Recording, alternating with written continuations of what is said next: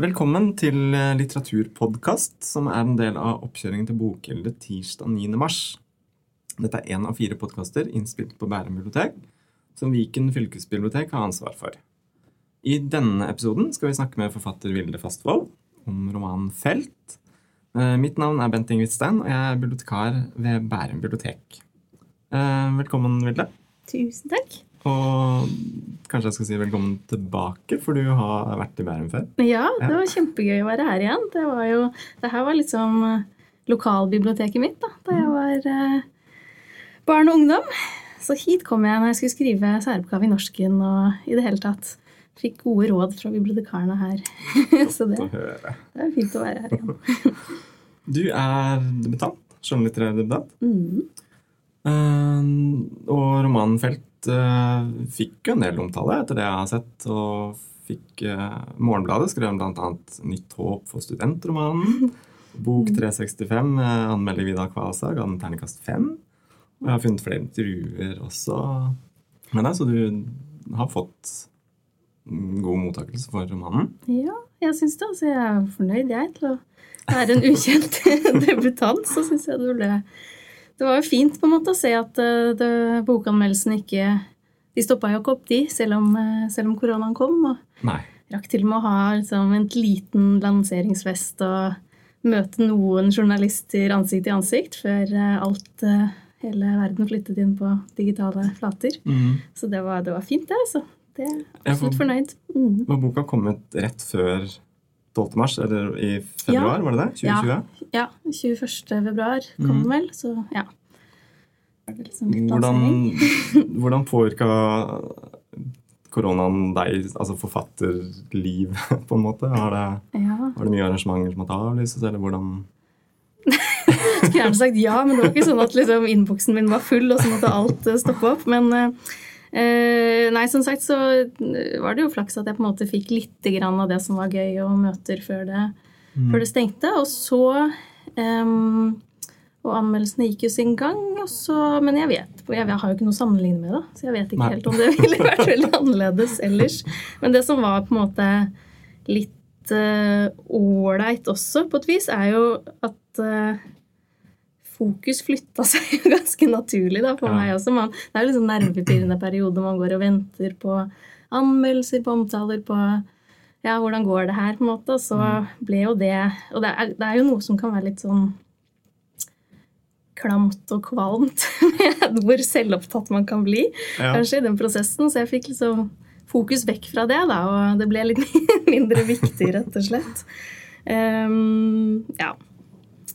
Så der leser du, har du Leser du intervjuene og anmeldelsene og alt, Å ja, ja, ja. var Ja. Jeg, jeg greier ikke å la være det. Jeg har ikke flyttet fokus fullstendig vekk. Fra, Nei. nei, det er kjempespennende. Mm. Og jeg syns at det har vært mange fine lesninger også, som er, jeg er veldig glad for det. Da, at jeg har flere som jeg føler at har skjønt hva jeg prøver å få til. Ja. Det, det setter jeg pris på. Mm. Mm. Ja, for denne boktittelen, eh, 'Felt' eh, Utgangspunktet her er jo uh, Fam, Ja. som er antropologistudent. Mm. Og så uh, drar hun til Martinique eh, for å gjøre feltarbeid. Ja.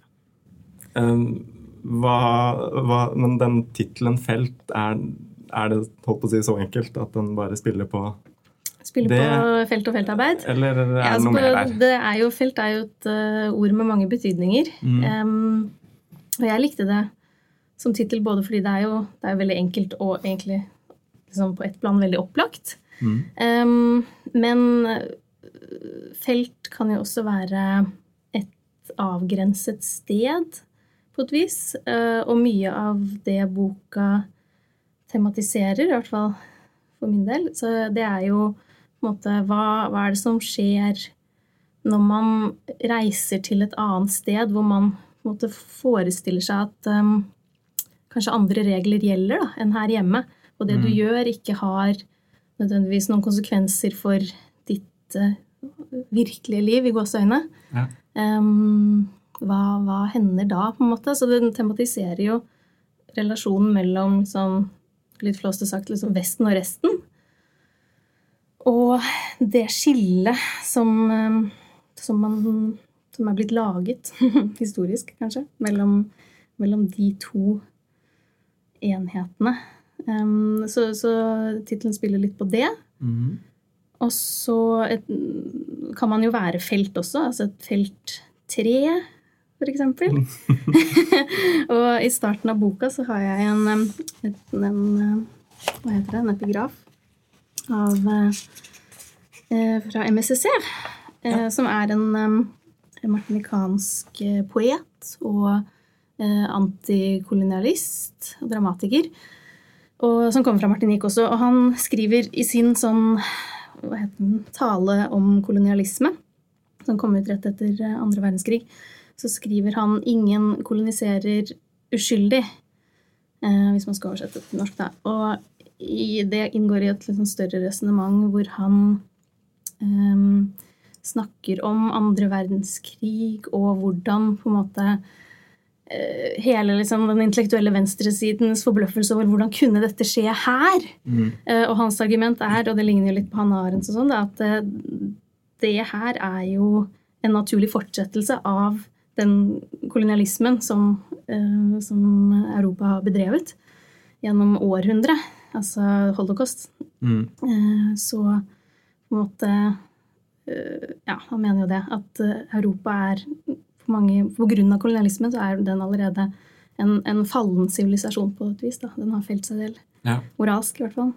Og ja, Martinique er jo utgangspunktet her. Eh, Ja. Og Martinique har jo eh, en ganske tøff historie. Ja. Jeg personlig visste veldig lite om Martinique før jeg leste boka og undersøkte litt i forberedelsen til den samtalen. Eh, det høres jo bare eksotisk ut, eh, rett og slett. Men Ja, ja det er det er ikke så enkelt. Det er et, eh, et veldig interessant sted, syns jeg. Mhm. Og det er ikke så rart at du ikke har hørt om det, for det er jo veldig lite. Det er en øy som ligger Du kan si det da, for de som ikke, ikke vet det. Eh, det er en øy som ligger i Karibia, og den er på ca. hva blir det, sånn 30 ganger 70 km stor. Du kan du kjøre rundt den på en dag. Mhm. Eh, Og så bor det om lag 400 000 mennesker der. Og, um, og så er de franske, altså politisk sett for eh, 100% integrert i, i Frankrike som et fylke omtrent, da. Eller Ja, departement. det var, ja. Uh, og så har de en veldig komplisert historie, som de fleste andre karibiske uh, land. Um, de var jo opprinnelig befolket av aravaker og, og karaiber, som ble fortrengt av europeiske kolonister da de kom, og, og i stor grad utslettet. Og så og har, har man jo deretter den der massive importen av slaver fra afrikanske land. Um, som har blandet seg med, med den hvite plantasjeeiende klassen og med såkalte hva sier man på norsk, altså indentured labourers som kom etter slaveriet ble opphørt fra asiatiske land for å jobbe og på en måte erstatte Mm. eh, den, eh, den um, um, slavearbeiderne. Så det er jo en sånn vanvittig smeltedigel. Mm. Eh, og noe av det som interesserte meg da jeg skulle gjøre feltarbeid der, det var For det har jeg, Ja, det har jeg gjort.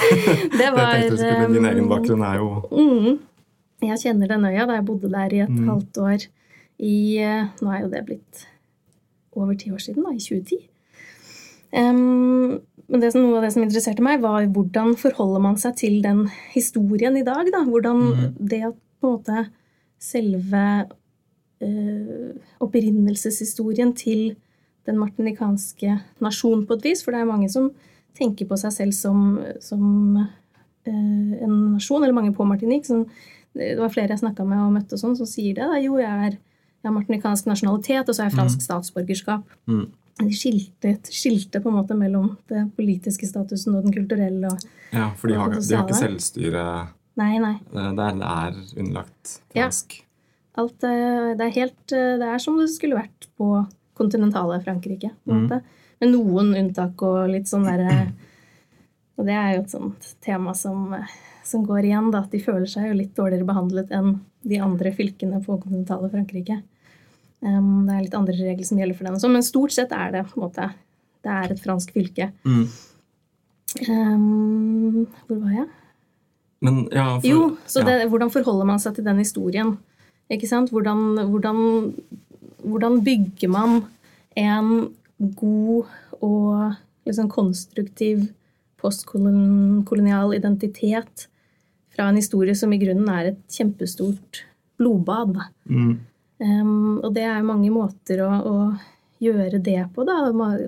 Kjemperik eh, karibisk eh, idéhistorie og mange fine forfatterskaper sånn, som har vokst ut av måte, det spørsmålet. Mm. Sånn som Derek Walcott og ja, ikke minst MSSR, Maris Conde, Patrick Chamas og Ja, det var masse, masse gøy.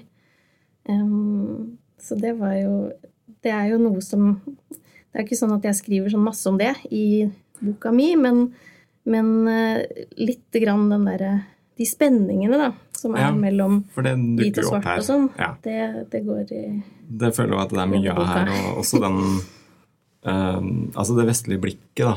Ja. Med, og det handler jo mye om forskningen uh, i det hele tatt. Men bare det å forske på andre kulturer, er det noe uh, Er det noe nedlatende ved det, liksom? Med vår, vårt vestlige blikk, og hvordan vi uh, opptrer, på en måte? Det kan jo fort bli det, da.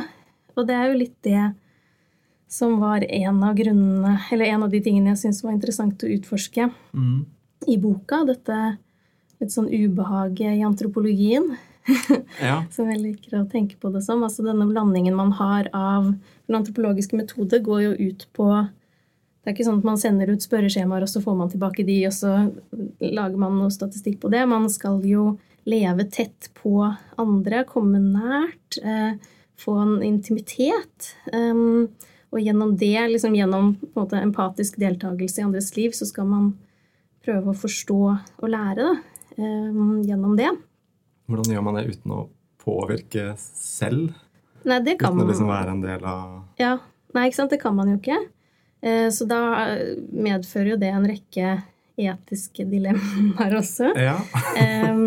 Eh, Veldig lett, da, særlig liksom når man har dette forskningsetiske imperativet at man skal jo ikke volde skade. Du skal jo ikke prøve å liksom Kan ikke gå inn og ødelegge ting eller, eller um, Ja, Don't fuck the natives. For som eksempel. som, som er en sånn uh, uoffisiell maksime i faget. Mm, som handler om uh, nettopp det. da. Du skal ikke Du skal ikke Du skal ikke Det handler om to ting. Det handler om at du skal ikke ødelegge for dem, selvfølgelig. Du skal ikke volde skade, men du skal Mm. heller ikke bli så nær at du på en måte går helt inn i den andre. Altså, du skal beholde denne analytiske distansen. ja. Og det er akkurat det der som jeg syns er litt sånn Det er det som fort kan bli kinkig. Du skal bli så nær samtidig. Mm. Så skal du holde denne avstanden, øh, og så skal du på en måte ta Det er jo, det er jo en fare for at det lett blir øh, utbyttende, da, den relasjonen. Fordi Ja. det som oppstår i de relasjonene til de menneskene du, du møter, det skal man ta med seg inn på kontoret sitt, og så skal man sitte og kna på det og gjøre hva man vil med det i etterkant. Mm. Eh, Og det kan man, på en måte. Um, og det den, eh, den kombinasjonen der er jo litt grann sånn pervers, da, hvis du ser på det som i liksom mellommenneskelige relasjoner. Altså, du skal bli så nær og så intim og så godt kjent, Ja. men du, skal, du, du søker den nærheten fordi du vil ha den òg, ikke sant? Og det, på en måte så vil man jo det i alle relasjoner. Men da får du jo på en måte også kanskje noe annet enn det du Ja, opprinnelig var interessert i. ja. Svar på. Ja, ja det, og det skjer jo ofte, og det er ikke nødvendigvis noe negativt. Da, fordi Nei. antropologien er jo eksplorerende. altså Det er jo Noe av styrken med det faget er at du ikke har Det er ikke sånn at du har en klar hypotese, og så skal du gå ut og teste den. Du skal, eh, du skal ut, og så skal man på en måte prøve å skjønne hva som er viktig fordi man Innenfor noen kanskje noen videre definerte temaer, da, hva som er Mm. viktig for, for dem. Og det er jo noe av det som gjør antropologi til veldig, veldig flott også, da. Mm. Det er, det er jo en unik kilde til, til kunnskap som man ikke får tak i på andre måter. Mm. Så det er ikke sånn at hele denne boka her er en sånn sviende fagkritikk. Det er på en måte både en utforskning av det problematiske, men også en hyllest til faget, da håper jeg i hvert fall at den Ja. kan bli lest som. Um, Ja, for det er jo, uh, Hvis vi går tilbake til den uh, hovedkarakteren, da. Ja. Fam, uh, som da reiser litt. Hun eh, Det er et annet innledende sitat uh, du har i boka di, av Gilles Deleuze. Ja. Ja. Uh, som også handler noe om det og uh, muligheten for å starte på nytt. Eh, og det også er noe jeg på en måte føler at jeg ser litt i denne Fam, at hun, hun leker litt med den tanken på om, hva om jeg kan jeg bli her, liksom? Eller, for hun har jo det trygge livet hjemme i stabile Norge, og så er det jo liksom det potensielt enklere livet uh, der nede, som kanskje ikke er så enkelt likevel, men Mm. eh, Ja. er det noe av hun, hun, altså For meg så fremstår hun som litt sånn usikker på hva hun egentlig vil, og kanskje ikke helt til stede i, i, i seg selv og sitt eget liv. Ja, ja, nei, det tror jeg stemmer. Det er en, eh, det er en riktig lesning, tror jeg. Hun, hun er jo definitivt litt sånn søkende, og, og blir jo fristet av, eh, av eh, livet der og tilværelsen og relasjonen som hun inngår i til denne mannen, da, som hun også begynner å liksom, studere i smug. Ja, og Um, der er vi også over i noe sånn forskningsetiske Ja, det, det er dilemmaer. et grovt overtramp. Ja, Hun sniker seg til å notere roter litt i skuffene hans og Ja. i det hele tatt. Ja, ja. Hun går over alle grenser. Så det er på en måte satt, satt på spissen, det der, da. Det mm. tror jeg ikke så veldig mange antropologer faktisk gjør. Bare så det er sagt. Jeg håper ikke det. Men, ehm, men eh, ja, hun er, hun er nok søkende. Man kan sikkert lese henne på forskjellige måter. For min del så har jeg kanskje tenkt at hun er eh, Hun er nok litt Ja, jeg har nok skrevet henne litt sånn som at det drivende karaktertrekket er eh, at hun er ambisiøs, da. Mm. Hun er um, faglig, på en måte. Hun, eh, hun vil gjøre noe stort, på en måte. Em, og hun er um, en intellektuell, og samtidig også ganske sånn eh, seksuell, på et vis, da. Og det var noe av det som var morsomt med å, å skrive fram det. Jeg syns liksom det mangler noen av de da, kvinnelige Ja. sånn seksuelle, intellektuelle karakterene. Så det var morsomt. Hun på en måte tar, tar for seg. Ja. Ganske sånn skamløst, um, både når det kommer til egne ambisjoner og seksualitet og sånn. Um, samtidig så har hun absolutt sine sårbarheter da, og Mhm. usikkerheter.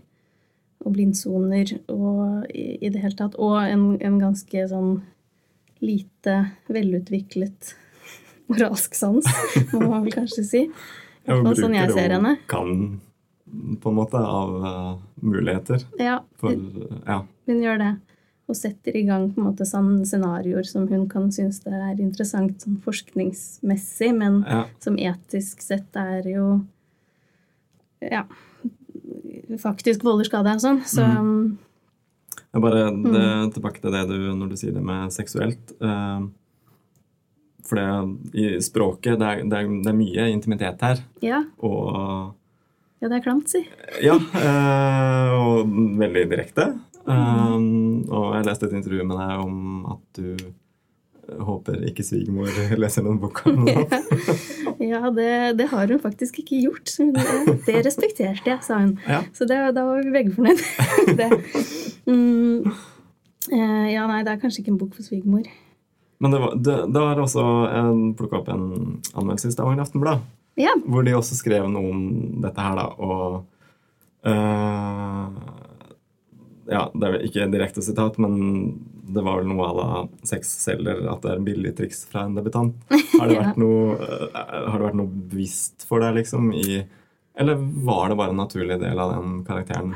Altså, jeg tenker sånn Den relasjonen mellom, mellom jeg-personen, Fam, og den martinikanske mannen, Mm. Theo, den kan jo leses som en, egentlig en sånn eh, allegori over kolonirelasjonen mellom Frankrike og Martinique. Den, deres forhold går gjennom veldig mange av de samme hva skal man si, liksom fasene som den kolonirelasjonen. Fra på en måte invasjon og utslettelse til, um, til utbytting, til avhengighet. Og det er ganske vanskelig, syns jeg, da. Eller jeg syns det ble Det ville vært rart, på en måte, å skrive om maktrelasjoner innad i et forhold uten å skrive Uten å tematisere seksualitet. Ja. Um, og særlig også fordi den historien eh, Kolonihistorien handler jo i veldig stor grad om å um, kontrollere en seksualitet, ikke sant? En truende seksualitet. Den, Mm. Særlig den liksom svarte mannens uh, seksualitet var noe som Det var jo nesten et sånt hysteri rundt hva den kunne gjøre Mm. under slaveriet og sånne ting. Så, så jeg syns jo egentlig det har sin plass. Samtidig, da, når det er sagt jeg, Hver gang jeg skal lese opp fra boka, så er det litt sånn Det er ikke alltid kanskje det liksom at man har aller mest lyst til å snakke om kroppsvæsker. Så da har jeg tenkt sånn Jeg kunne kanskje luka ut noe i etterpåklokskapens ånd. Men det, jeg vet ikke. Det var eh, Jeg syns jo åpenbart også at Eller jeg tror jeg må ha syntes at det har vært gøy å skrive. Mm. At det er litt sånn Det er noe med å skremme seg selv litt også når Ja. man sitter der Ja. foran tastaturet, og gå, gå til det stedet hvor det blir liksom ordentlig ubehagelig og, og, og klamt og, og ekkelt og ja. Ja. Gå utover egne grenser litt, på en måte. Eller Egentlig. bare utforske Ja. språk, språket rundt det. ja. Og det, nå skal Eh, det sies og så er det på en måte ja. noe med når man skriver i jeg-person også, da, så er det jo Du kommer ikke unna at folk har en kropp. Jeg syns det er gøy da, å, å trekke inn det i, i språket også. At det ikke bare Særlig nettopp når, man, på en måte, når målet var å lage en sånn karakter som var både Hun var ikke bare oppi hodet, hun hadde også en kropp. Ja. da, ja, så Men at det- det kan bli for mye for folk, det, det har jeg full forståelse for. Nå skal det sies at det er den eneste anmeldelsen jeg har lest som beskriver det på den måten. Så, Ja, ja. jeg mente vel det skygga litt, for- litt for andre ting, og det kan godt hende det gjør. Altså, jeg vet ikke. Um, men ja, altså dette at det er en jeg-person, og uh, du har jo en egen bakgrunn. Du har vært på feltarbeid på Martinique. Har du, og i disse virkelighetslitteraturtider, har du vært redd for at noen på en måte skal eh, sette deg inn i den rollen, inn i den karakteren? Eh, ja, jeg var jo litt sånn spent på det. Ja. I hvilken grad det skulle bli spørsmål og sånn fokus på det. Em, det har ikke vært så mye rundt det, og det tenker jeg er kanskje fint. Da, da Mm. viser at den, den debatten er liksom ikke så dominerende som noen kanskje vil ha den til. Nei, for det er jo Jeg merker jo det selv av og til når jeg leser, at jeg må ta meg i etter et par sider og bli overraska over at det kanskje hovedkarakteren hadde et annet kjønn. Fordi det, det, Ja, det er Det kan være lett å liksom bare tillegge noe av det forfatteren, sånn i utgangspunktet. absolutt. Jeg gjør også det. Ja. Det er veldig lett å se for meg forfatteren når jeg leser særlig jeg-person Mm. Em, men det var vel en som spurte meg sånn Ja, men hva syns han derre Theo da om at han er blitt eh, i bok? Og så sier jeg det, det Han fins ikke. Så det, det tror jeg han lever greit med. Mm. Så den er jo ikke Det jeg tar utgangspunkt Altså, jeg bruker jo veldig mye av, eh, av eh, erfaringene fra feltarbeidet. Både Ja. det å gjøre feltarbeid, det stedet, um, og alt jeg hadde med meg derfra. Men, men historien er eh, den er langt, heldigvis langt fra eget liv. Og forhåpentligvis også egen forskningsetikk. Ja. ja, for det er vel Altså, det er jo en naturlig ting å kunne bruke egne erfaringer Ja. til å skrive. Jeg tenker det, og, øh, og særlig måte et feltarbeid, da, hvor Mm. man har Det er jo egentlig fantastisk research til, til en bok. Å Ja. dra et sted og leve et sted og gå, fordype seg fullstendig i øh, noe annet i et halvt år. På en måte. 100 Og så Ja. Ja, Hvordan var Mm. skrivearbeidet? Har du, når dukka ideen om en roman opp? Ja Ehm, Nei, jeg leverte jo den mastergraden i 2011. Mm. Og så begynte jeg å skrive på boka etter det, men da hadde jeg ikke, jeg hadde ikke noe plan. Jeg tror det var mer sånn eh, at jeg ikke helt visste hva jeg skulle gjøre. Og så, og så var det mye fra det feltarbeidet og den opplevelsen og sånn som jeg både syntes var gøy da, og um, spennende og ikke var ferdig med. Ja. Og litt sånn ting jeg kanskje hadde lyst til å bearbeide. Lurte på hva, er, hva handler dette om? måte, Hva er, den, Mm. hva er det ubehaget som gnager i meg? og sånne ting. Så, så da skrev jeg ganske raskt et par versjoner som var um, veldig dårlige. og så har jeg pusla med det ved siden av alt mulig annet. Og noen år har jeg nesten ikke skrevet noe. Andre år har jeg fått jobbet mer intensivt med det. Alt ettersom arbeidssituasjonen. Da. Mm. Så det har vært en lang og seig prosess å få ut den boka. Ja. Men, mm. Ja, for Men lærerikt også. Fordi jeg tror, jeg vet ikke, Når jeg har snakka med andre, så er det jo veldig vanlig tror jeg, at den første boka man skriver, den, den forblir i skrivebordsskuffen. Mm. Og så gir man ut på en måte Debutboken er kanskje den andre Noe eller den tredje. eller noe sånt. Ja. Men jeg har på en måte bundet meg litt i masten og ikke helt greid å slippe dette. da, Men den Mm. har jo endret seg veldig fra, fra de første versjonene, som var noe helt, helt annet, til sånn det er blitt nå. Mm. Det er Ja, du- god hjelp du- av redaktør og diverse. Og du har jo holdt på å si fortsatt Etter mastergraden så begynte du på en doktorgrad. Ja, etter Ja. hvert gjorde jeg det. Jeg hadde noen år hvor jeg jobba, så begynte jeg på en, på en doktorgrad i, i medisinsk antropologi på, på Medisinsk fakultet ved Universitetet i Oslo. Mm. Så den holder jeg på prøver å ferdigstille nå.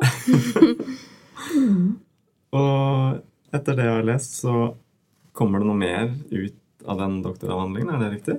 Ja, eller jeg har fått eh, støtte da, til å skrive, skrive en eh, sakprosabok basert på eh, materialet fra avhandlingen. Så Hva det, handler det om, eller hva er, hva er planen for den ja, boka? ja, det er et helt annet eh, forskningsarbeid. Da. Mm. da har jeg vært i, i Oslo, så har jeg sett på Eller jobbet med folk som, eh, som arbeider i den mest noen utsatte delen av eh, Oslos arbeidsliv. Mm. Stort sett mennesker som, som har et annet statsborgerskap og ikke er født i Norge. Em, men eh, utover det veldig stor diversitet når det kommer til landbakgrunn og Mm. uh, juridisk oppholdsgrunnlag og sånne ting. Um, så den ser på arbeidskår, egentlig, og, og kropper og helse. Og hvordan, mm. hva, er, måte, hva er disse menneskenes historier? Hvordan, hva er det de har kommet hit med en plan om? Hva møter de her? Hvordan opplever de det?